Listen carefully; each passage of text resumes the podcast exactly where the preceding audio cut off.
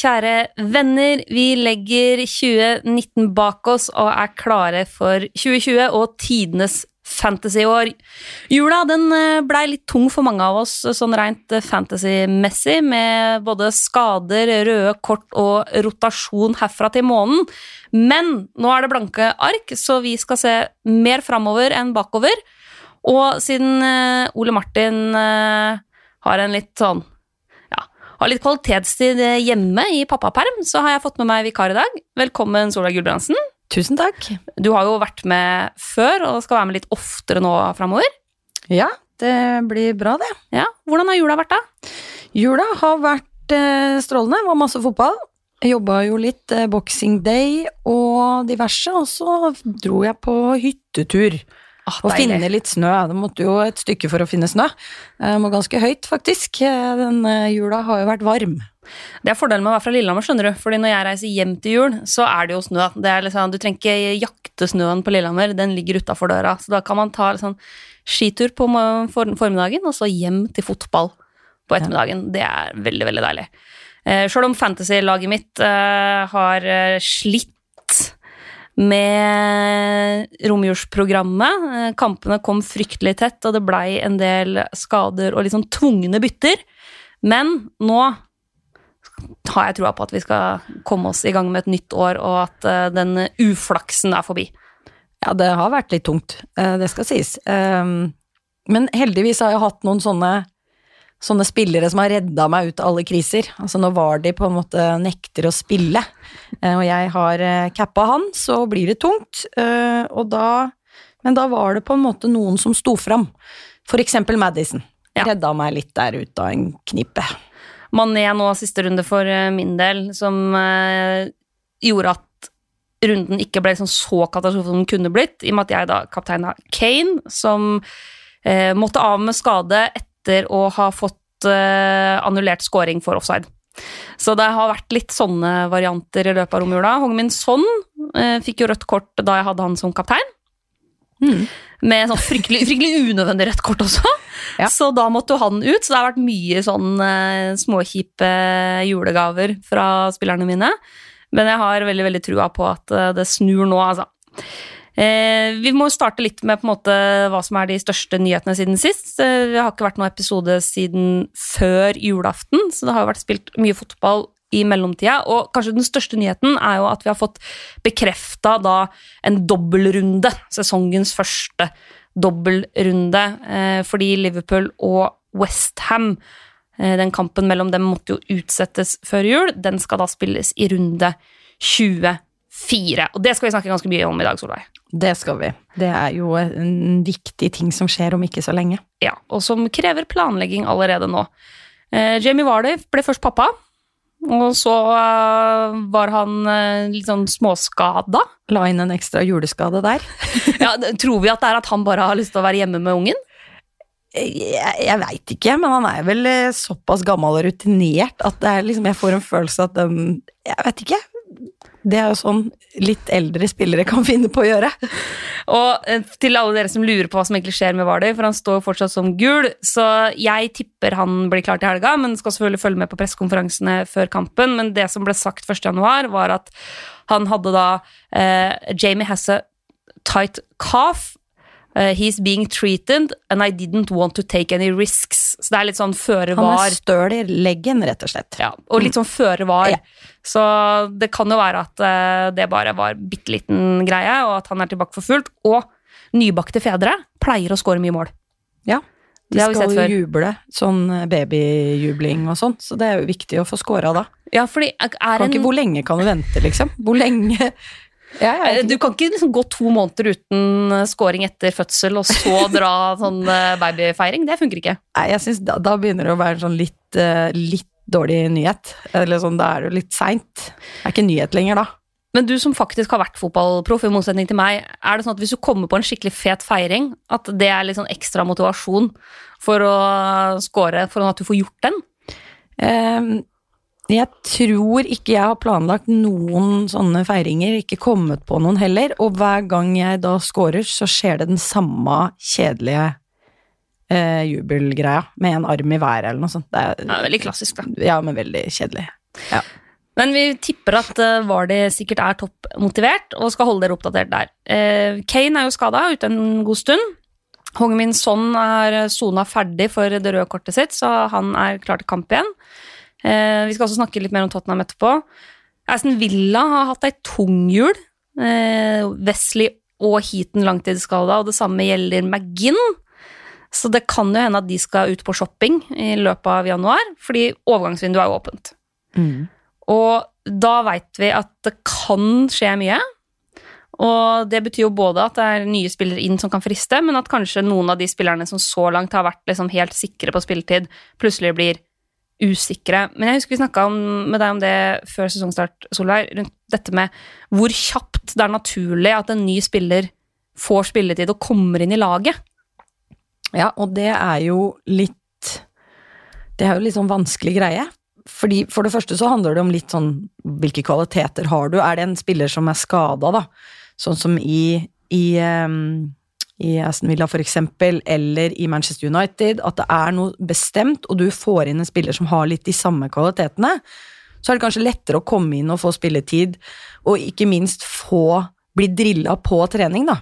Altså hvis du kommer inn som uh, Min Amino i Liverpool, og du allerede har satt et system, og de blir drilla, så er det kanskje lett, ok, for de kan systemet, så han kan få en del spilletid i elveren på trening. Mm. Uh, mens andre steder hvor kanskje ikke laget helt er satt, så går du kanskje med de samme, så får du ikke like mye drilling i det å være i elveren. Og som du vet, det er jo liksom, relasjonene har jo veldig mye å si. Mm. Så du må jo liksom få litt tid på trening på å være med på det som skjer på trening, ikke bare være den kjeila på det andre laget. Ikke sant? Og det, og det, er jo sånn som i som Villas ha sett tilfelle, da, hvor de kanskje må hente inn en eller annen direkteerstatter. Ja, det kan, uh, da kan det være noen som må hives uti det ganske tidlig. Mens sånn som for eksempel med Minamino, så tenker jeg jo at Klopp sikkert kommer til å være gira på å gi, gi, ham litt tid. Fordi det er jo noe med også å gi spillerne en god følelse når de først får sjansen, og på en måte bygge de relasjonene internt i laget. Uh, Pluss at det er en liten konkurranse der. Ja, ja. ja ikke sant. Hvem skal ut hvis Minamino skal, skal inn? Ja. Du har på en måte Englands beste fotballag, med spillere som har fungert glitrende hele sesongen sammen. Da er det jo ikke bare bare å komme inn som uh, den nye kiden og danke ut noen av dem. Uh, McTominay skada. kanskje tilbake i slutten av februar. Han er kanskje ikke noen sånn fantasy Eh, sånn veldig mange har på Fantasy, men det kan kanskje være eller påvirke de andre United-spillerne, eller? Ja, jeg eh, mener jo at eh, Manchester United sliter jo litt generelt.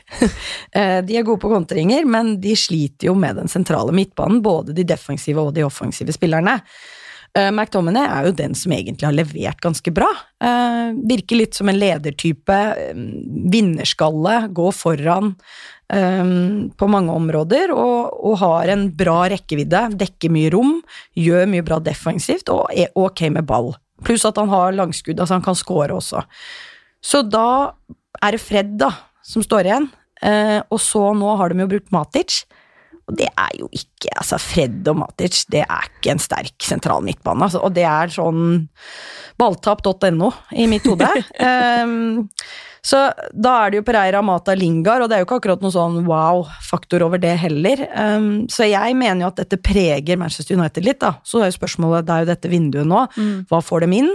Uh, men, men, jeg mener at det har en innvirkning for, for, Manchester United som lag, og hvordan de kommer til å prestere. Så får vi se da om, om det hvor mye det har å si om, om, eh, om Matic kommer seg litt i form igjen. Mm. Det, gjør meg i hvert fall uh, sikrere på at jeg ikke skal ha noen defensive United-spillere. Det at McTominay er ute, det er jeg ganske sikker på allerede. Så får vi se litt hvordan det altså Sånn som med, med Rashford, Martial, James, hvordan de påvirkes av det. Og så er det jo selvfølgelig masse rykter om spillere inn i Manchester United. Uh, både på spissplass, men også at de sannsynligvis er på jakt etter en, en midtbanespiller. De bør i hvert fall være det. Spesielt hvis Pogba forsvinner. Så der kan det jo faktisk skje litt nå i overgangsvinduet, så det må vi følge med på.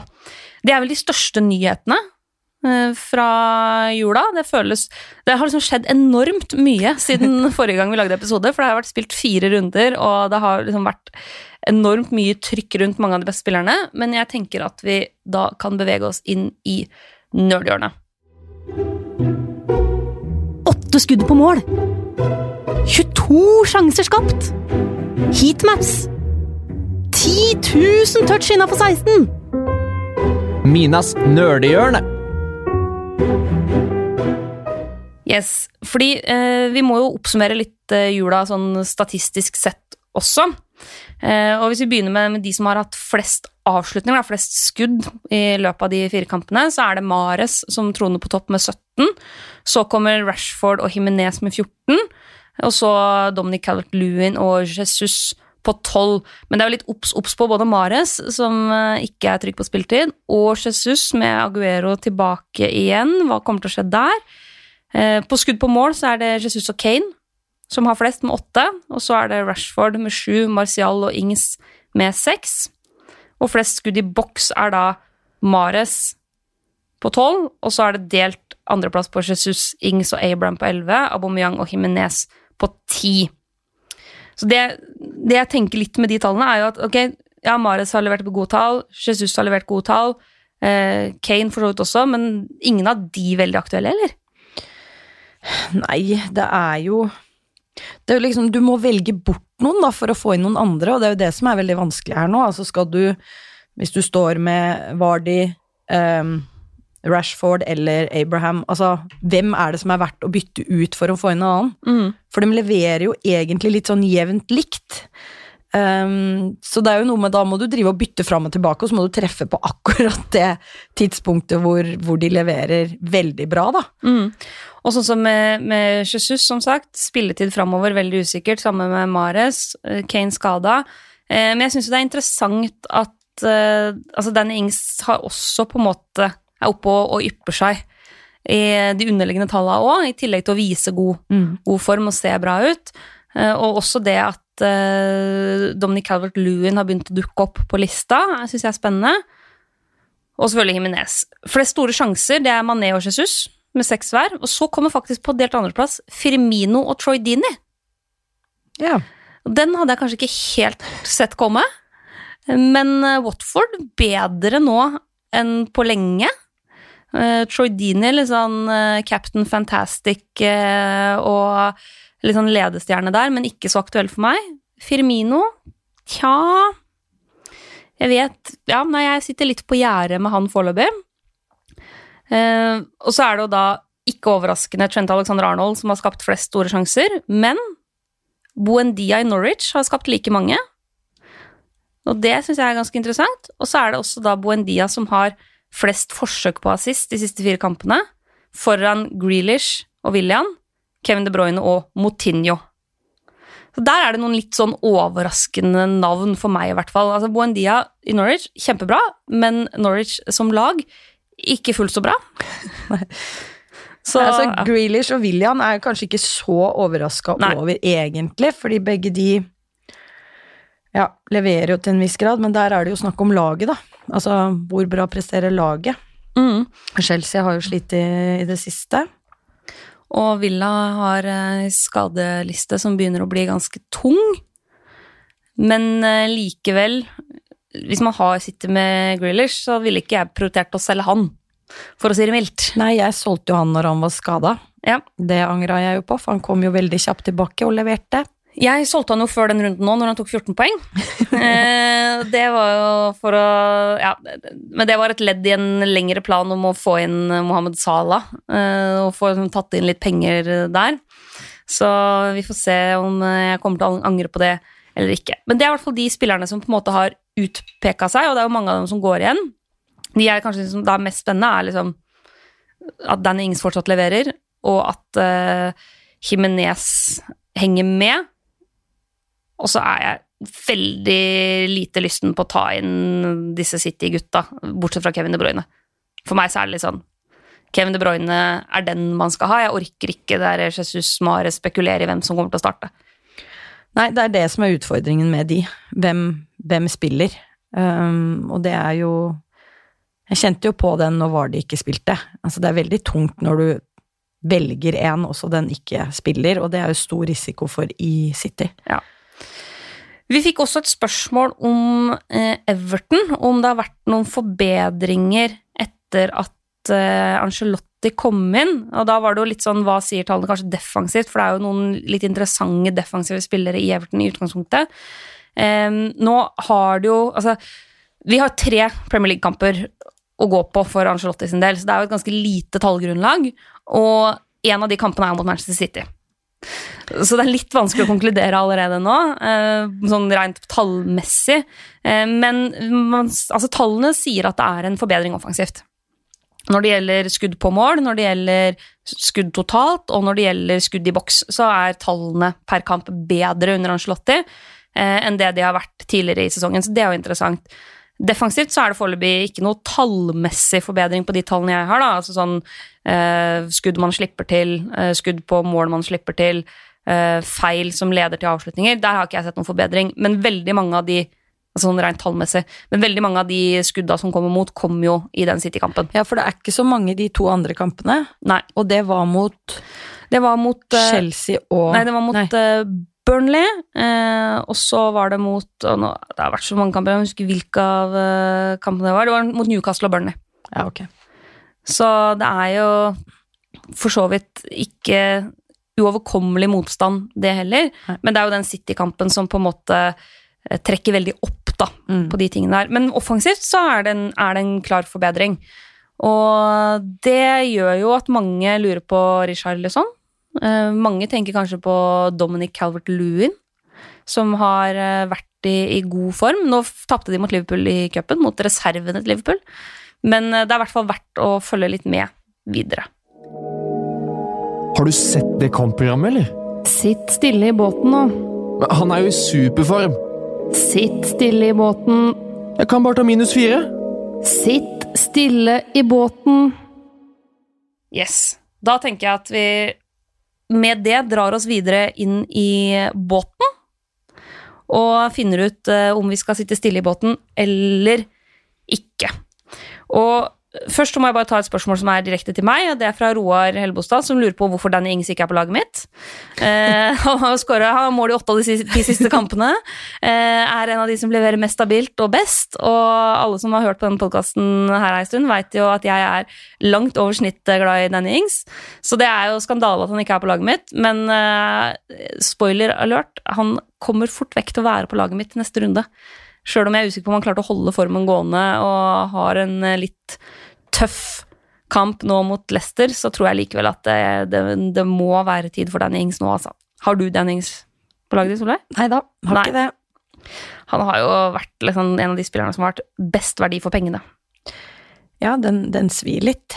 Hver For det er jo sånn hver gang man tenker at ja, nå, men så Det har jo vært denne jula har vært litt sånn tøff med Eller før jula òg. Altså med sånn Altså, jeg har hatt en del spillere som du må gjøre noen bytter på, Um, hvor du ikke tar sjansen på plutselig å bare velge Ings fordi Altså, det var verdt mer penger, da. Da Mm. velger du heller å bytte en, en storspiller mot en annen storspiller.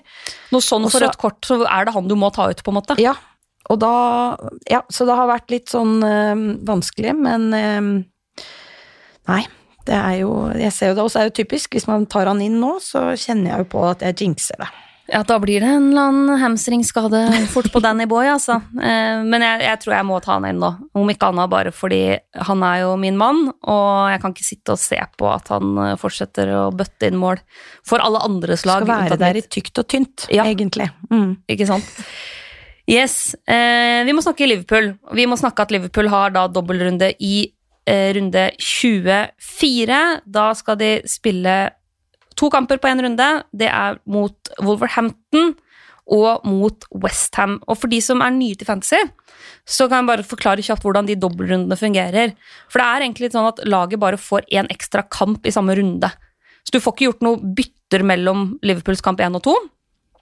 Eh, Men du får jo to ganger 90 forhåpentligvis på spillerne dine. Eh, Så det er jo en litt sånn eh, ny sjanse, egentlig. Dobbeltsjanse. Mhm. Og det store, store spørsmålet mange lurer på da, er jo annet Trond Johan Fjellheim, som lurer på om det er must have med seks spillere fra da Westham og Liverpool til den runden. Eller om man kan klare seg med fire, altså Fabianski pluss tre fra Liverpool. Og hvem er egentlig de, tre man, man går for? Eh, hva er din strategi inn mot den runden, Solveig? Nei, jeg har jo bare én Liverpool-spiller. Ja. Eh, men jeg satt stille i båten i forrige runde, så nå har jeg to eh, gratis eh, transfer her nå. Så det jeg jobber meg inn nå, Mané, tror jeg. Mm. Først og fremst, da har jeg Alexander Arnold og Mané, og så må jeg da vurdere i neste runde igjen om jeg bytter inn. Men jeg tenker tre Liverpool-spillere er litt sånn eh, klink for min del i den runden, tenker jeg da. Mm. Eh, og jeg tenker ikke Westham. Eh, for det første så har de et tøft program, eh, og hvem skal jeg satse på? Den spilleren tenker jeg at mest sannsynlig jeg må bytte ut igjen, for det, de har jo Altså, det er jo Liverpool og Leicester der, Mm. og så har de eh, Brighton, og så har de City og Liverpool igjen. Ja. Så jeg ser liksom ikke helt for meg hvem jeg skal bli stående med. Um, nei. Nei, så jeg jeg tror ikke jeg prioriterer noe bytte på, på de der. Og så er jo da spørsmålet hvilken Liverpool-spillere går man for. Og Alexander Arnold har jeg jo, så den er bankers. Og så er det jo Mané versus Salah eventuelt. Og så er jo spørsmålet kommer det noen bytter på de? Spiller de alle kampene, altså de i den runden? Minamino kommer jo å banke på nå. Kommer noen av de andre tilbake til skade? For nå har de jo spilt nesten alt, da Mm. de tre. Firmino, står han safere, eller skal man ta en forsvarsspiller og satse på clean sheet? Altså, Mm. jeg har jo Pereira, så jeg kunne jo for eksempel ha bytta ut han med en eh, med en annen, for eksempel van Dijk, eh, er jo en mulighet. Ja, og jeg er helt enig i strategien at jeg tror man må få til å ha tre Liverpool-spillere. Eh, fordi altså, det- laget er så overlegne nå. Og mm, så lenge de er i den formen de er i nå, så tør ikke jeg å gå uten tre Liverpool-spillere i den dobbeltrunden. Og jeg mener også at det er altså Vi har jo snakka mye tidligere om at man skal spare disse chipsene så lenge som mulig. Altså bench boost, free hit, triple captain. Jeg mener at det her er runden å bruke triple captain. Mm. Hvor du får tripla kapteinspoengene istedenfor å doble dem. Fordi jeg tenker at seinere dobbeltrunder så er det kanskje mange lag som har eh, dobbeltrunde, og da kan det være liksom, flere aktuelle alternativer. Man vil kanskje da bruke benchboost og ha liksom, billige spillere på benken som har dobbeltrunde, bare for å få liksom, de her eh, ekstra poengene der. Mens er, vi er heller ikke garantert at Liverpool får flere dobbeltrunder. Og når du da har så gode alternativer i så god form der, så tenker jeg i hvert fall å bruke triple capsen. Og så må man finne ut på hvem i all verden. jeg har nå eh, Mané, kun Mané. Planen min er å få inn Sala og Trent Alexander Arnold. Det er fryktelig mye penger. Det er enormt mye penger. Men sånn som Trent Alexander Arnold spiller nå, så tør jeg ikke å gå uten han. Nei. Jeg tør ikke det, altså. Eh, Sjøl om han er svindyr, så er det noe med både dødballfot og hvor altså, Jeg, jeg kikka på det, han knuser Robertson på offensive tall.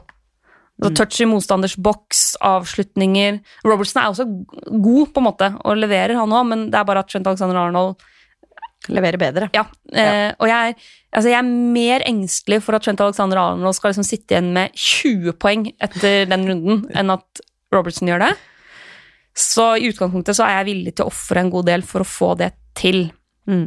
Um, og så er jeg enig når det gjelder Westham. Altså, la oss si du tar inn Fabianski da, for den dobbeltrunden.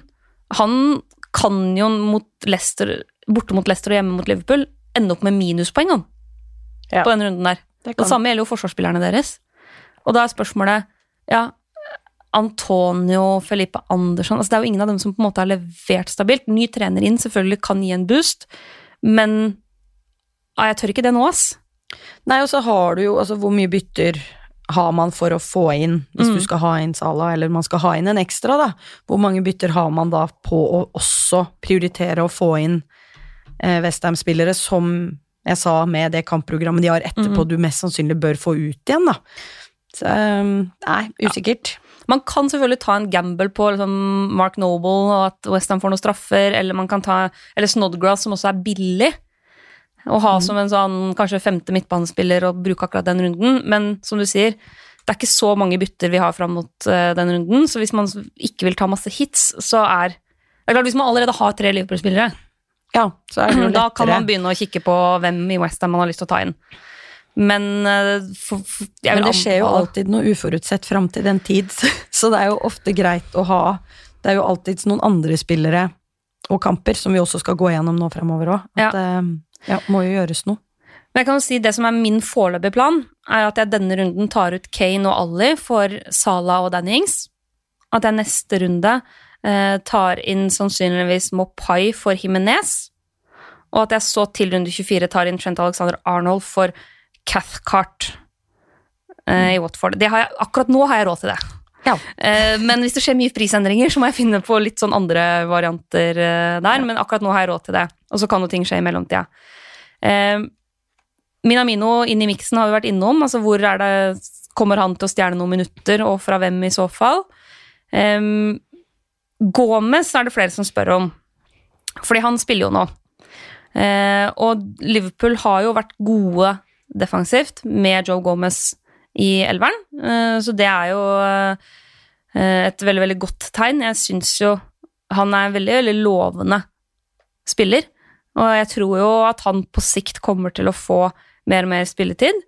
Eh, og det har jo blitt litt sånn ja, De kampene han har spilt i det siste, så, eller han har starta, så har det blitt clean shit. Og han koster 5,2. Ja, det er jo ikke dyrt, Nei. sånn sett. Så hvis man ikke har råd til å få inn Trent, eller hvis man ikke har råd til å få inn Salah eller Mané, bare har råd til én av dem, så tenker jeg at da er jo Gomez heller enn van Dijk på en måte den Hvis man vil gå for en tredje litt billigere Liverpool-spiller, eh, fordi han er såpass mye billigere. Ja. Og så lenge Matip er ute og Lovren er ute, så er det jo Gomez som spiller.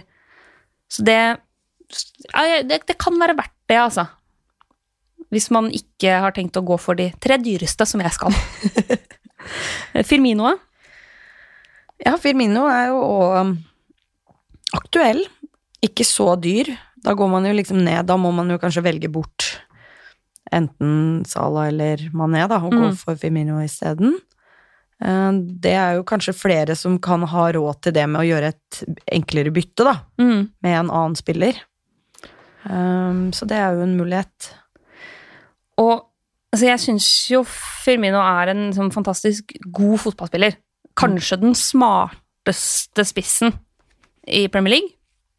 Sånn, sånn rent sånn fotballforståelse og altså, Han er sånn som ser de tingene ingen andre Ja, han gjør de Ser. rundt seg gode, og det går jo litt kanskje utover poengscore òg. Ja, fordi han er jo, eh, han er jo mer tilrettelegger, egentlig, enn eh, superspiss. Og det ser man også på, på tallene hans, da. Men hvis vi tar de siste fem kampene, så har han jo like mange mål som Rashford. Ja. Og, og litt høyere expected goals. Men han har jo selvfølgelig langt færre avslutninger enn Rashford. Mm. Altså, han har 13 mot Rashford sine 20. Men han skyter mer i boks, faktisk, Ja. enn det Rashford gjør. Og så har han jo eh, altså han, ja, Det at han er en liksom, tilrettelegger på en litt annen måte enn mange av de andre liksom, mer klassiske spissene. Da. Så følge litt ja, Ha et ekstra øye med Firmino nå i helga. eh, mot Så må man jo følge litt med på denne blir det noe rotering, rullerings... eh, Ja. ja. For nå har Liverpool har i utgangspunktet to tøffe kamper nå. De har, eh, de har jo Tottenham borte. Som, ja, Tottenham sliter defensivt, men det er jo ikke bare et lag du normalt spaserer over. Eh, Selv om det har vært litt sånn denne sesongen her. Og så er det jo Manchester United runden etterpå. Og det er et oppgjør som Og det er hjemme på Anfield, og jeg tror Liverpool kommer til å vinne, men det er jo ikke en kamp hvor Klopp sparer spillere. Det er egentlig mest det at verken Tottenham eller United er lag Klopp sparer spillere mot, Nei. tenker jeg i utgangspunktet. Og da er det jo kanskje mer fristende å spare noen enten mot Wolverhampton eller mot Westham. Mm. Så det er jo litt sånn Ja, kanskje Og Westham skal jo være den antatt dårligste motstanderen av de, da, Mm. sånn sett. Men allikevel, la oss si at du, la oss si at du kjører triple captain Sala i den kampen, i den runden der. For eksempel, da, eh, som jeg vurderer. La oss si at han starter mot Wolverhampton, og så kommer han inn og får 30 minutter eh, mot Westham. Jeg syns fortsatt det er helt greit, altså. Å få litt sånn uh, Det Ja. som er tungt da, er hvis Mané er den som Starter alt og, og scorer litt, da. Men, liksom, men 120 minutter med, med Salah i en runde som triple captain er jeg komfortabel med. Jeg håper jo at uh, ja, for totalt så er det jo større sjanse for å få mer poeng da Mm. enn hvis du spiller en triple captain i en enkeltrunde. Så Ja. ja. Men samtidig, da, la oss si at eh, du kjører inn Trent Alexander Arnold. Og så holder han nullen i begge kampene. Bare det er 12 poeng. Mm. La oss si du triple captain, har triple captain på han. Da er det 36 poeng, og det er helt uten bonus eller assister eller mål. ja. Og han spiller jo mest sannsynlig. Ja, Mm. for der har de ikke noe alternativ. Så 36 altså Det er jo hvis de holder nullen, da, selvfølgelig. Ja. Men hvis han holder nullen i de to kampene, så er det 36 poeng som triple captain uten et eneste bonuspoeng eller et eneste målepoeng. Det frister. Ja. For han har jeg. Ja, ikke sant?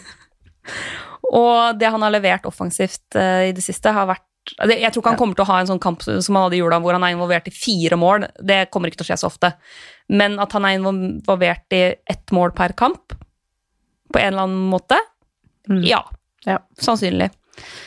Så åh, ja, nei eh, Jeg syns det også frister, sjøl om på en måte instinktet mitt sier triple captain Salah eller Mané. Så frister det litt å bare dunke til på Trent. Men hva blir poenget på en midtbanespiller eller en spiss med triple captain, da? Hvis de bare spiller uten å Nei, altså, levere. hvis, For hvis eh, Firmino hvis ja, Mané bare Mané. spiller to, to kamper, og de holder null, så da får han tre poeng per kamp. Eh, Mhm. Så da er det seks poeng på eh, de to kampene. Hvis du har triple captain da, så er det 18 poeng. Ja. Så han må levere litt mer. Men fortsatt, da. Altså 18 poeng er jo egentlig Ja da, men 36 var jo veldig mye mer, da.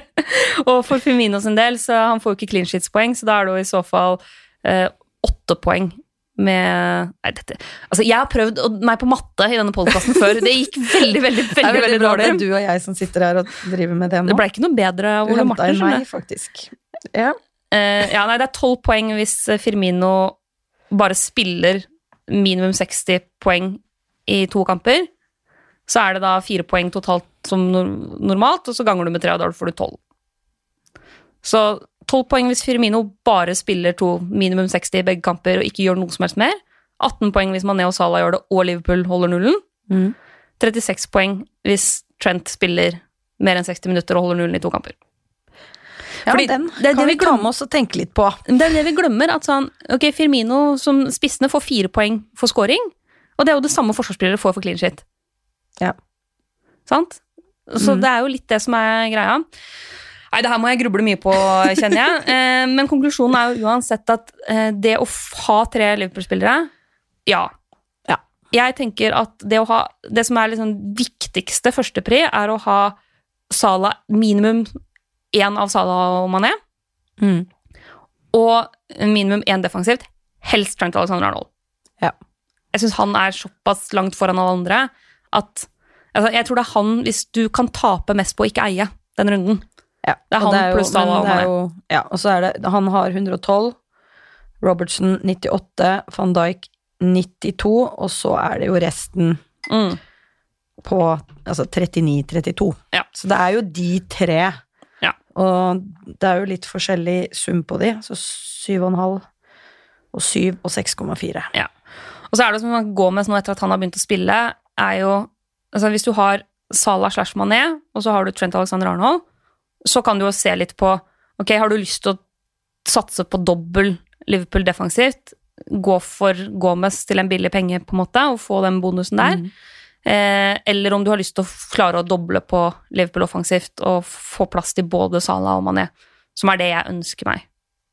Fordi plutselig så Det er litt det at jeg er redd- for å ha den av dem som ikke Ja, er leverer, hvis du skjønner. det. Fordi jeg er jo sikker på at altså, jeg er sikker på at til sammen kommer Salah og Mané til å skåre en del mål i den runden. Ja. Men hvem av dem det blir, vanskelig å si. Derfor sikre seg med begge, liksom Mm. er planen min. Foreløpig. Eh, vi må snakke litt om andre lag enn Liverpool også, sjøl om det er eh, den dobbeltrunden som er mest interessant. Og jeg anbefaler veldig å begynne å planlegge for det allerede nå. Altså sett opp, eh, Se på hvor mange bytter har du fram til den runden, og lag en plan på hvordan liksom, du vil at laget ditt skal se ut. Sånn at du veit at du på en måte eh, får brukt de byttene du trenger da, for å få på plass de Liverpool-spillerne. Men vi må snakke litt om Chelsea, fordi mange spør om Chelsea også. Blant annet Ole Tobias Mehn Andersen skriver 'Chelsea!' utropstegn, utropstegn. Hva skjer med Tammy, Mason og Christian? Burde man se etter en annen spiller på det laget, eller styre helt unna? Du har fortsatt Chelsea, har du ikke det? Ja, altså, jeg har jo Mount. Ja. Eh, men Mount ryker nå for å få inn eh, Mané. Ja. Så ja. Han har fått mange sjanser nå, faktisk. Veldig Du har mange. vært veldig tålmodig med Jeg Mason har vært utrolig tålmodig, men det har noe med at andre spillere har drevet og rota det til med rødt kort og sånn, sånn for eksempel. Altså, Og at må- du er litt svak for offensive midtbanespillere. ja, ikke minst. Eh, så der Han har fått mange sjanser, så han må ryke ut nå for å rydde plass til Liverpool. Mm. Eh, også, Men jeg liker jo fortsatt Chelsea sin måte å spille på. Altså, det er noe med Jeg syns de har bra balltempo, jeg syns de er bevegelse foran ballfører. Altså, det er noe av det samme som går igjen, men de sliter. De skårer ikke nok mål, og så har de jo litt trøbbel bakover, og det Og så lurer på Jeg syns kanskje han rullerer litt mye. Mm. Ehm, for det òg er jo noe med å sette Det var jo liksom en sentral midtbane med to spillere, og så plutselig skal du bytte annenhver match med nye folk inn. Mm. Uh, og så kom William tilbake og Kanté tilbake, og så ja, har det blitt en del rullering der. Uh, og så tenker jeg at motstanderen også er blitt litt mer obs på hva Chelsea gjør, og hva de kommer med. Så jeg tror egentlig ikke det er sånn at det er noe veldig mye feil med Chelsea. Eh, selvfølgelig, ja, de sliter litt defensivt og sånn, men det har de jo egentlig gjort hele tida. Mm. Um, ja. Ja, og så, så prøvde han seg jo med en Trebekslinje. Altså, han har gjort Han driver og prøver seg fram litt. prøver seg fram litt, da. Mm. Så når de får satt noe nå, kanskje roe seg ned og tørre å prøve noe over tid, så kan det jo hende at de kommer tilbake på vinnersporet igjen, men eh, ja. Så er det jo eh, altså sånn som det med, med Tammy Abraham, da. Ehm, jeg har jo solgt den i løpet av jula for å få inn ja, for å få inn Det var vel Kane jeg tok inn da, før han ble skada. sånn kan det gå. Jeg fikk et par kamper med Kane med skåringer òg, altså. Men det er mye snakk om Tam Abraham. Men hvis du ser på de siste fem kampene, så har han flest skudd i boks sammen med, med Salah. Så på en måte tallene hans eh, er ikke katastrofe. Eh, Det jeg ville tenkt hvis jeg fortsatt hadde Tam Abraham, er jo å gi han de to neste kampene, altså mot Burnley hjemme og Newcastle borte. Og så blir det tøft for Chelsea, for da skal de på de fire neste kampene da spille mot Arsenal, Leicester, United og Tottenham. Mm. Så jeg ville nok gitt han to kamper til, og så tatt en vurdering da på å selge han før de fire ganske tøffe kampene. Og etter hvert da i februar så skal vi også i gang med europeisk fotball, som kan eh, påvirke også. Og så er det jo sånn at overgangsvinduet er åpent, og Chelsea har jo fått oppheva den der registreringsnekten de har hatt, så det betyr at de kan hente nye spillere. Ja. Og om de gjør det eller ikke, er jo uklart. Men da betyr det jo at et par av de her unge spillerne som nå har fått sjansen i Chelsea pga. den overgangsnekten, eh, de er jo litt mer utsatt hvis det kommer inn nye spillere. Ja, og der er det jo en Giroud som mest sannsynlig er på vei ut. Ja. Han har vel så vidt varma benkeplassen sin i det hele tatt. Eh, og det vil jo si at kanskje de da switcher med en annen offensiv spiller da, inn, um, som gjør at det kan bli mer konkurranse der. Det er jo mye Altså, Tammy er jo ung, og, og det kan jo være greit å ha en rutinert angrepsspiller der som kan ja, dunke inn litt mål. Mm. Um, så det kan jo hende at de går for det, det vet man jo ikke. Uh, men ehm, Nei, jeg vet ikke. Og så er det jo det du sier, da. Jeg er enig i det på en måte, men nå viser det seg at Chelsea Chelsea litt sånn Hva er det de er bra på? Er de egentlig bedre på kontring? Altså, kan det hende at de leverer bedre mot de laga som er gode? Nå gjorde de jo ikke det i starten av sesongen, altså mot Manchester United, så ble de jo Altså, er de for balltrillende? Um, bruker de for mye trekk for å komme seg fram. Mm. Så det er litt sånne ting som ikke er helt klart å finne ut av, for jeg egentlig, som jeg sa, jeg liker egentlig måten de spiller litt på. Det ser, det ser egentlig ganske bra ut, da. Mm. Det ser bedre ut med de mot etablert enn Tottenham og Manchester United, eksempel. Ja, men samtidig så er det sånn Tammy Abraham har jo allerede begynt å få et litt sånn rykte som det for det engelskmennene kaller for en flat track bully. Altså sånn som scorer mot alle de dårlige laga og mm. ikke scorer mot de gode laga. Og der, altså de, de kampene han De motstanderne han har scora mot, er jo Han scora mot Arsenal. Ja. Eh, men ellers så er det jo Aston Villa, Crystal Palace, Watford, Southampton, Wolverhampton, Sheffield United, Norwich. Eh, og så er det da ikke mål mot forrige kamp mot United, ikke mot eh, Liverpool, eh, ikke mot City, ikke mot Tottenham. Så det er liksom Det er jo Arsenal han jo han, har skåringa si Mm. mot blant topplaga, da. Ja. Så ja, Og det var jo når Arsenal Ja. sleit mye. Så eh, vi får se litt hvordan det blir. Eh, men foreløpig så Jeg ville ikke liksom heve ut Tammy Abraham nå, men jeg ville ikke tatt han inn heller. Nei. Nei. Og så skjønner jeg at du er utålmodig med Mason Mount. Det har jeg full forståelse for. Ja. Eh, apropos Arsenal. eh, Sondre Sand spør Arsenal? Spørsmålstegn. Øsil? Spørsmålstegn. Eh, og der har jo Arteta kommet inn nå. Mm. Eh, og vi er vel enige om at det generelt så har vi sett tegn til forbedring allerede Ja. i Arsenal med Arteta. Eh, Jeg syns det Altså, under Jungberg så Jeg vet ikke helt hva Jungberg prøvde på. Han tror jeg bare gjorde gamleklubben sin en god tjeneste, på en måte. Og under Emery så var det også klin umulig å skjønne hva de egentlig prøvde. Så jeg syns spillerne ser mer motivert ut, og jeg syns de spiller bedre allerede. Ja.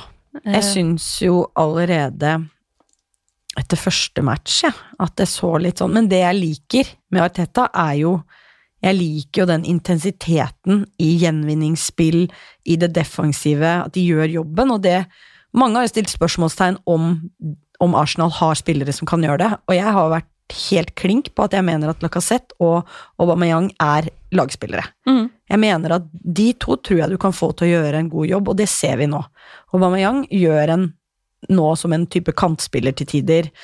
Eh, en god defensiv jobb. Eh, og så ser du Arteta på sidelinja, hvordan han maner fram liksom sånn intensitet i spillet. Eh, at han vil at de skal framover og jobbe, og bevegelser og ja. Mm. Så jeg syns allerede nå man har sett forbedring. Og så har jo Arsenal utfordringer som mange andre, altså med forsvaret sitt, om de har gode nok sentrale midtbanespillere, altså de tingene der. Men de har jo egentlig meget gode spillere på topp, Mm. som kan gjøre det litt på egen hånd. Og det vi har sett, er jo at Øzil har jo begynt å finne litt tilbake til seg selv. Mm.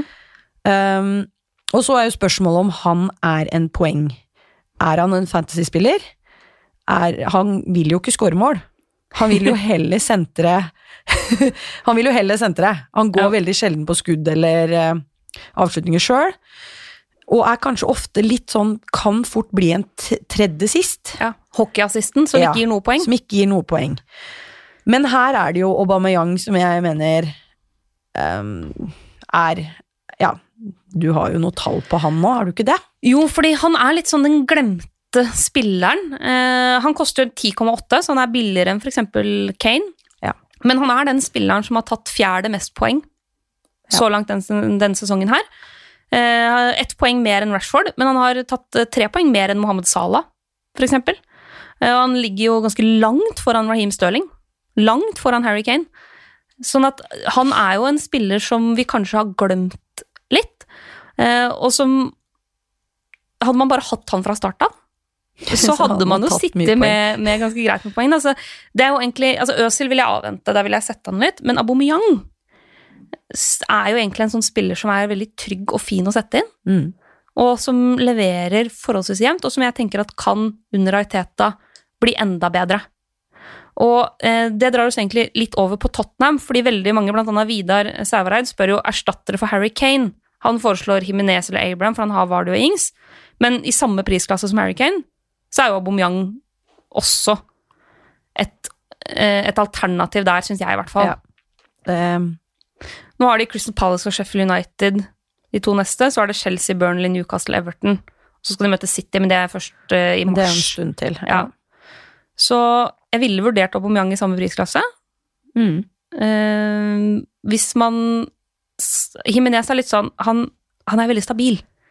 Det er veldig sjelden at han får på en måte tosiffer, eller veldig mye poeng, men han leverer forholdsvis stabilt med målpoeng. Mm. Men det er, ikke, er det gøy, eller er det litt kjedelig? Det er litt kjedelig. Jeg har ikke han. Nei. Jeg syns det er litt kjedelig. Men eh, nå har jo jeg Mosé, da. Så det, Ja. vet ikke. det er kanskje enda kjedeligere. Ja, for der er det jo Det leverer jo veldig lite. Der leveres jo ingenting. Men Aubameyang en mulighet, eller hvis man tenker kjempebillig for å bruke penger et annet sted, eh, Neil Mopai i Brighton. Ja. En mulighet. Eh, Dominic Calvert-Lewin i Everton. En mulighet. De har et eh, fint program framover, og litt ny giv der òg. Så det kom litt an på Snakka du om Ings òg? Ja, Dan Ings. Men han hadde Dan Ings fra før av. Ja, da er det jo ikke noe Smart nok til å ha, ha det, vet du. Ja, det var det. Eh, Rena Jus på Instagram spør om eh, Del jeg har vært å beholde. Eventuell å Jeg erstattere. eh, selger jo han nå for å få inn Mané. Jeg selger jo han eh, Deli Alli og Mount Mm. for å få inn Mané. Så Jeg vet ikke, ass. Tottenham. Um, det er jo litt ustabilt. Og jeg ser ikke helt at de har blitt så veldig mye bedre etter at de bytta trener. Men de fikk en veldig boost i starten, Ja. men eh, Men også Forsvaret virker jo De virker som de har blitt 70 år, de to midtstopperne. Eh, og så er liksom Eriksen er jo ikke helt flying ennå, han heller. Det er litt sånn passe. Og så har han liksom ikke satt laget, og nå får han jo ikke gjort det heller, da, fordi Son var ute, og nå er Kane ute, og nå må det rokeres litt. Hvem blir spiss? Ehm, ja. ja. Og hvordan påvirker det altså, Et spørsmål er jo ok, med Harry Kane ute, betyr det at Tongmin Son og Del Alli er mer aktuelle, fordi de blir viktigere? Eh, Son har jo spilt spiss tidligere når Kane har vært ute. Eh, eller blir de mindre fristende fordi Kane tross alt er en veldig viktig spiller i det laget? Ja. Og det syns jeg er vanskelig å gi noe godt svar på. Så og, kanskje man bør vente Ja, og nå har de jo Liverpool også, ikke sant? litt. Ja, så du bør i hvert fall ikke kjøpe inn nå, kanskje. Nei. vente, vente en runde. Skal vi se hva de har videre, Tottenham. De har jo to fine kamp... Altså, de har jo Liverpool nå, og så har de Watford og Norwich. Og så har de City. Ja. Så, men jeg gjør nesten det samme som deg denne runden her, at jeg selger Del Ali for Sala. Ja. Jeg selger jo Kay nå fordi han er skada. Ja. Så ja, så jeg kvitter meg med Tottenham for å få inn Liverpool og Danny Ings. Mm. Um, Manchester United Daniel Tor eh, Torsteinsen uh, lurer på om ikke Greenwood snart har spilt seg fast i lagoppstillinga. Uh, nå var jo Martial sjuk, men vi satser på at han blir frisk igjen. Og de er veldig sterkt rykta, eller de er sterkt rykta til uh, annet Raúl Jiminez. Mm. Så jeg ville ikke satsa liksom alt jeg eier og har på at Greenwood skal starte kamper framover. Nei, så har han liksom ikke vært eh, den som har fått mest tillit heller. Eh, det er jo Ja, og James får spille, og det tror jeg også går litt på de defensive ferdighetene til disse spillerne. Eh, Greenwood er jo en som, som kanskje scorer og er mer den sluttproduktspilleren. Eh, men de trenger jo folk som jobber litt, i og med at både Martial og, og Rashford Ja, det går litt opp og ned, det, da. Mm. Men jeg, jeg tror ikke han er sånn, i hvert fall ikke en sånn fast starter, så da tar du jo en Jeg har jo hatt Greenwood på benk, jeg, altså, men det har jo ikke gitt noe avkastning. Du skal jo treffe, da, den ene gangen. Mm. Og jeg syns det er litt for, for risky, og så er det Det virker som om det Solskjær i utgangspunktet har lyst til, er å ha James Martial Rashford eh, når alle er skadefrie. Og hvis de også er på jakt etter en ny spiss, så ville jeg i hvert fall ikke tatt sjansen på å hente inn Greenwood før overgangsvinduet er stengt. Og hvis Rahul Himinez kommer inn eh, vi vet jo ikke, altså Det er jo masse rykter nå, det er umulig å vite hva som Men er sant Men det vi vet, er jo at Manchester United kommer til å handle noe, i hvert fall. Ja, det tror jeg nok jeg òg. Og hvis Himinez går til United, så blir han mindre fristende for min del, fordi det handler om at uh, spilletid, altså hvor, hvor mye spilletid får han, uh, og at da er han liksom ikke main man lenger, da, på den måten han er i Wolverhampton. Mm. Uh, så vi, vi må avvente litt der. Skal vi se, Vi har snakka mye om Westham allerede, men vi må også ta en Det er veldig mange som spør om, om Fabianski. Han er jo tilbake, og da holder de nullen. Det er liksom sånn sånn det er. Men som vi snakka om tidligere, med det programmet de har nå, så er det ikke sånn at jeg stresser med å få inn Fabianski. Nei, jeg har stått med Ryan eh, hele veien. Eh, eller jeg hadde jo Alison, da jo så ble han Ja. Så måtte gjøre et bytte der, og da tenkte jeg jo ikke klart. Så jeg har jo begge keeperne fra Brighton, egentlig, så jeg kan ikke gjøre noen rokeringer der. Men jeg har stått med Ryan, og han har jo levert helt greit. Mm. Eh, og jeg prioriterer ikke noe bytte på keeper nå. Eh, så da skal du jo det Altså Hvis du vil ha inn Fabianski, så tenker jeg at da må det være en grunn for det, men akkurat nå er kanskje ikke riktig tidspunkt, da. Nei, og vi har jo fått en del spørsmål om eh, beste keepere. Ole Tobias Jacobsen lurer på erstattere for Pope, og jeg syns jo Ryan Jeg sitter jo også med Pope og er lei av det, men har ikke prioritert å gjøre et bytte der. Men jeg syns jo Ryan er et veldig, veldig godt valg på keeperplass. Eh, og ellers så er det, syns jeg også det er verdt å følge med på Arsenal defensivt framover. For hvis Arteta klarer å stramme opp det, så er jo Leno Mm. en billig keeper, altså fem blank, det er ikke så voldsomt dyrt det, som kan være verdt det, men det er litt sånn, da må du se han først, altså. Ja. Ikke hive inn på nå. Nei. Så ja, jeg For det er jo de det er Ryan på 4,8, og så har du Henderson på 4,9. Ja. Og begge de har jo levert 81 poeng. Mm. Ja, og så har du Foster på ja, 4,8, som har 81 poeng, han også. Og hvis Watford nå leverer bedre defensivt, da, mm, så tenker jeg jo at um, Ja, de er jo ikke De har i hvert fall levert, da, stabilt. Så jeg ville kanskje venta etter de Bør vi ikke ha Leicester, Liverpool og så City og Liverpool igjen i ganske tett pakke der.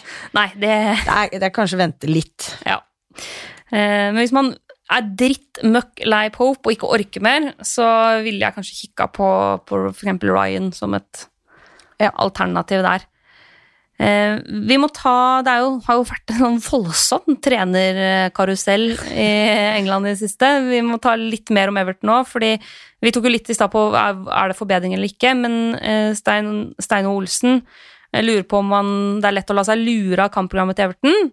Eh, og man kaster inn spillere derfra som ikke gir noe særlig avkastning. Uh, og det er jo uh, Jeg syns jo det virker litt fristende å hive på noe Everton med Brighton, Westham, Newcastle, Watford og Crystal Palace på de neste kampene. Og det er liksom, skal man ta inn Everton, må man nesten gjøre det nå. Mm. Fordi det er nå de har veldig fine kamper. Men da er det egentlig Calvert Lewin som jeg syns er mest aktuell. Fordi de han Altså, nå har han på en måte prestert ålreit med Ancelotti. Det ble jo ikke noe mål i en kamp mot City, men det er jo tross alt Manchester City. Eh, og sjøltillit for den type spisser er veldig, veldig viktig. Samtidig så tror jeg ikke jeg er aleine om å ha blitt litt eh, mindre frista av den kampen i cupen mot Liverpool. Eller reservelaget til Liverpool. Så jeg er litt på gjerdet foreløpig på Calvert Lewin. Ja, og så er det vel noen som også vurderer Rikarlison. Ja. Um, Det, ja. Altså prisen på Calvert Lewin er jo foreløpig veldig bra, da. ja. Så det er jo det som kanskje Og det er litt det at Richarlison koster jo åtte blank, mm. så det er spørsmålet om man skal hive inn så mye penger der, eller om man tenker at man kan bruke de penga bedre andre steder. Det er på en måte spørsmålet for min del, da. Eh, altså Han er jo dyrere enn f.eks. James Madison. Dette skal vi snakke mer om etterpå. Eh, men det er jo flere andre også som jeg tenker kanskje er like Altså Grealish til 6,4 eller Richarlison til 8 blank, på en måte. Det er Ja. såpass stor prisforskjell, altså. mm. Så ja. Eh, siste vi skal ha før vi skal over i duellen, er Morten Bårdsgaard som lurer på hvordan det gikk med Watford-Helge i jula. Han angrer på at han ikke hørte bedre etter der. Eh, jeg skal hilse fra Helge og si at han dessverre ikke hørte på sine egne råd. eh, men Watford har fått en oppsving, og vi burde alle høre på Helge Nostradamus eh, når det kommer til sånn type spillere. Og så er det da også flere som spør om det er på tide å cashe inn på Lundstrand. Hatt en litt dårlig periode nå. Spørsmålet er om man skal selge den eller avvente. Eh, vi har vel Lund- Lundstrand begge to, har vi ikke det? Det har vi. Ja. Eh, jeg kommer til å vente. Jeg selger han ikke før han skal spille hjemme mot Westham. Nei, Så jeg for det var det kampen. vi så på det at eh, de har jo Westham nå, og så har de Arsenal City Ja. etterpå. Så jeg ville kanskje ikke brukt opp noe eh, nå. Nei. Se an den kampen mot Westham og Ja. ta en avgjørelse etter det. Er det, Det er planen. Ja. Eh, Ludde Kjetil lurer på beste midtbanespiller under 5,2, og der er vi vel ganske enige om at det finnes et ganske åpenbart svar, er vi ikke det? Det er vi. Ja. Det er Cantwell. Ja, er, altså han koster 4,9. Ja. Det er jo en gavepakke. Altså det jo, han spiller ikke absolutt alt, men det er likevel Han er målskårer. ja, og Det er liksom han og John Fleck som jeg er mest gira på i det prissjiktet. Uh, og Cantwell tenker jeg at er uh, ja, Og spørsmålet der var vel også Ndidi, eh, om det var aktuelt. Eh, og det er jo Da er det jo bedre å ta sjansen på at noen av de som scorer mål, tenker jeg, for det gjør jo ikke han. Nei, det er, det er et par, liksom. Det er jo den ene mot Chelsea hvor han eh, smeller til, og så er det den der 5-0-seieren mot Newcastle hvor alt gikk inn. Ja. Det er de to målene han har scora, men han er jo Men Cantwell ligger nå på 84 poeng totalt. Um, og Fleck og Ndidi ligger på 65-62. Ja. Um, ja. Nei, men Cantwell er jo ja, Og så vil jeg ikke bruke opp en Leicester-plass på Ndidi. Det er litt det òg. Nei, det jo et poeng. Så ja. Yes, da skal vi over i duellen.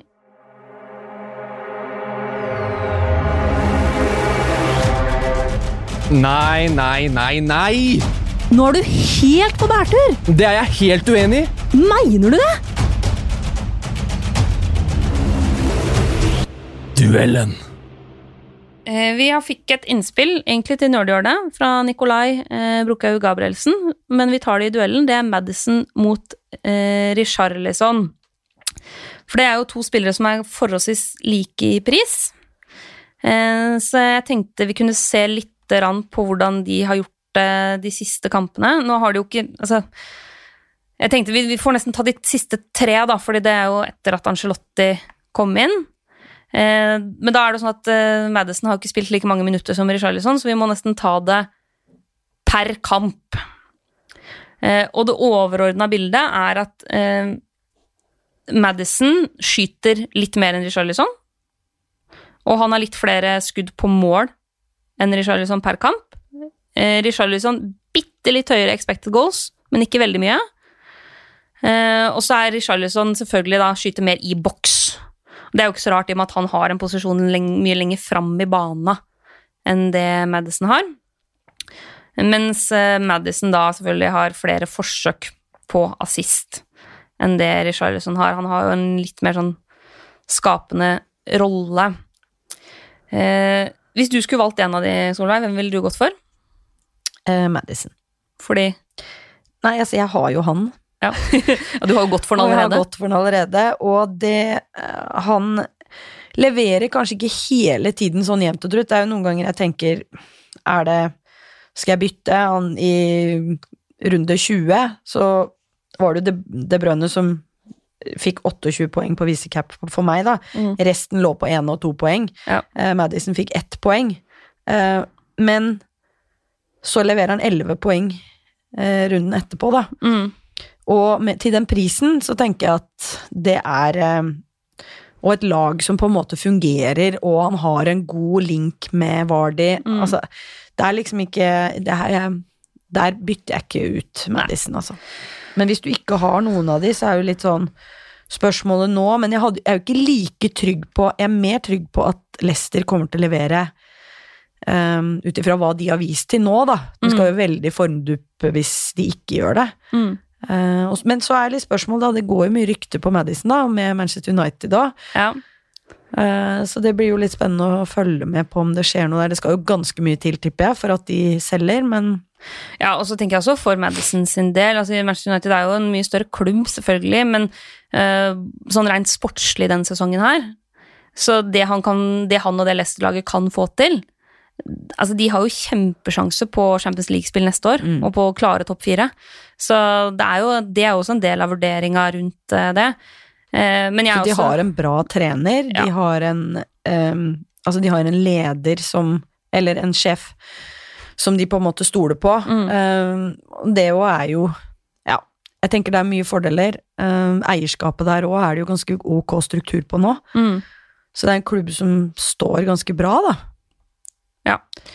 Men nei, Madison, jeg, eh, jeg står ved han videre. Ja, jeg vil også ja, jeg tror også jeg ville prioritert han inn fortsatt, altså. Mm. Uh, og det handler om at ja, Everton uh, har fått en liten boost, uh, men jeg stoler mye, mye mer på på Leicester i det store bildet. Og i hvert fall, hadde så, hadde det vært sånn at Richarlison var på en måte billigere enn Madison, Ja, da hadde det vært Ja. Men eh, nei, jeg også ville gått for, eh, fortsatt gått for Madison, da. Og hvis man først skal ha noen offensivt i Everton, så syns jeg jo da at Dominic Calvert-Lewin er mer interessant, Mm. fordi han er såpass mye billigere. Og ser ut til å trives ganske godt også med, med Ancelotti. Yes. Vi må ta litt om eh, kapteinstanker også. Har du bestemt deg for hvem som skal være din kaptein den kommende runden, eller? Nei. det er så tøff, eh, tøff, eh, tøft valg. Ja. Jeg sliter. Og det gjør jeg alltid. Og i hvert fall nå, etter at jeg har fått følelsen av det der med Vardi var cap'n, og det gikk Nei. Det, eh, men jeg har jo altså Det som er planen min, er jo at jeg har Vardi, Mm. De Brønne og Mané inne på laget. At det mest sannsynlig står litt mellom disse. Vi snakka vel om De Brønne var City spiller mot Aston Villa. Ja, det Jeg tenker at det er jo en eh, De slipper inn mye mm, skudd og målsjanser imot. Mm. Og et litt skadeut, eller Ja. skadeplaga Aston Villa, men spesielt med keeper Tom Heaton ute. Og jeg kikka litt på det hvis vi ser på de siste fem kampene, så er det ingen som har flere skudd på mål enn Kevin De Bruyne. Så det er jo veldig fristende med han, og så er det veldig fristende med den babyfeiringa til Vardi. Ja. Og så uh, ja. syns jeg Jeg har jo ingen United-spillere, men Manchester United hjemme mot Norwich det er, Jeg skjønner hvis folk vurderer Rashford, Åh, Martial Måtte du si det, da, for at jeg har jo Rashford. Gjør jeg det vanskelig for deg? ja, det gjorde du nå. Så jeg, jeg har jo ikke jo- stolt på Rashford én gang jeg, da, det, dette året her. Det er eh, Ja, det burde jeg kanskje gjort. Og grunnen til at jeg foreløpig ikke tenker f.eks. for eksempel Mané eller Salah kaptein, er jo at de spiller borte mot Tottenham. Ja. Som i utgangspunktet ikke er liksom en I hvert fall når på en måte Vardy har en fin kamp hjemme, og Kevin De Bruyne spiller mot Aston Villa, så syns jeg de foreløpig er bedre alternativer enn Salah og Mané. Ja, jeg er enig i det, fordi det heter Tottenham, men når vi har sett hvordan Tottenham har slitt defensivt, så er det jo litt Men jeg tenker at Mourinho de, de må jo skru på bryteren inn mot en sånn kamp. Ja. Kan jo ikke bli pissa på av Liverpool. Og eh, Mourinho mot Klopp tenker jeg også er litt sånn Altså, det Han kan finne på et eller annet inn i den kampen her, altså. Ja. Og han er jo en sånn Du kan si mye om Mourinho, men han er jo en slu, gammel rev Mm. som eh, Ja, sånn som da han var i Manchester United og ødela festen for eh, City Altså de her Den type kamper. Ja. Ja, det Jeg tør i hvert fall ikke å kapteine Mané, tror jeg. Så jeg, når jeg har Vardy og Kevin De Bruyne. Så det blir, en Ja. av, det var en, det blir enten Vardy eller Kevin De Bruyne for min del. Ja. Yes, det tror jeg var det vi rakk for denne gang. Veldig ålreit å være i gang igjen, kjenner jeg. Nå er jeg veldig klar for en ny runde. Det- Ja. Jeg eh, er også det. Og man har en del å rette opp etter jula. Ja, for det er, det er Jeg føler hele tiden jeg henger liksom etter. Jeg må hele tiden hente meg inn. Men nå har jeg to, to bytter, da. Men det er jo alltid litt sånn Jeg må ta farvel til Mount, da. Ja. Og Del Alli. Han ga meg noen poeng, han skåra et mål, og det er jo litt sånn Sliter sånn med at de kommer til å levere med en gang jeg blir kvitt de. Ja, det er jo den følelsen man alltid sitter med. Det er det, er det som er så kjipt. tungt. Men man må bare ta noen harde valg, og for min del så er ja, selge Kane, Tenke framover. selge Kane, selge Ali, få inn Salah og Danny Ings, og bare være kald i huet på å tenke inn mot runde 24. Og sette, opp, eh, sette meg opp sånn at jeg klarer å ha tre Liverpool-spillere i den kampen. Ja, god plan. Ja. Så får vi se hva som er planen neste uke. Du veit jo aldri hva som skjer i løpet av helga. Plutselig blir det røde kort, eller det blir ja, et eller annet som skjer. Så de beste planene kan ødelegges av eh, de små, små tilfeldigheter. Men det er i hvert fall bedre å ha en plan i utgangspunktet som man kan justere underveis, enn å bare spille etter innfallsmetoden. Tusen takk for at du var med, Solveig. Det var supert. Hyggelig. Og takk for at dere hører på. Så er det bare å følge med på Instagram og Facebook-gruppa vår på fredag, så får dere siste nytt på skadefronten. Og om det plutselig skulle komme en eller annen storsignering og alt mulig, så skal jeg nok ta en liten runde på det også. Vi snakkes!